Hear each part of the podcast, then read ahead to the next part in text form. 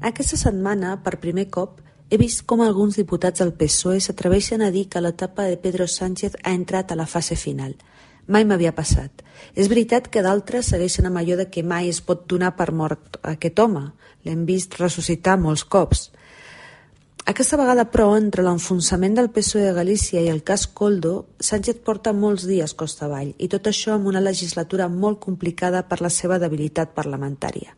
El president del govern necessita un revulsiu ja si vol canviar una dinàmica que el PP, malgrat tota la corrupció de la seva història, està aprofitant prou bé com no podia ser d'una altra manera.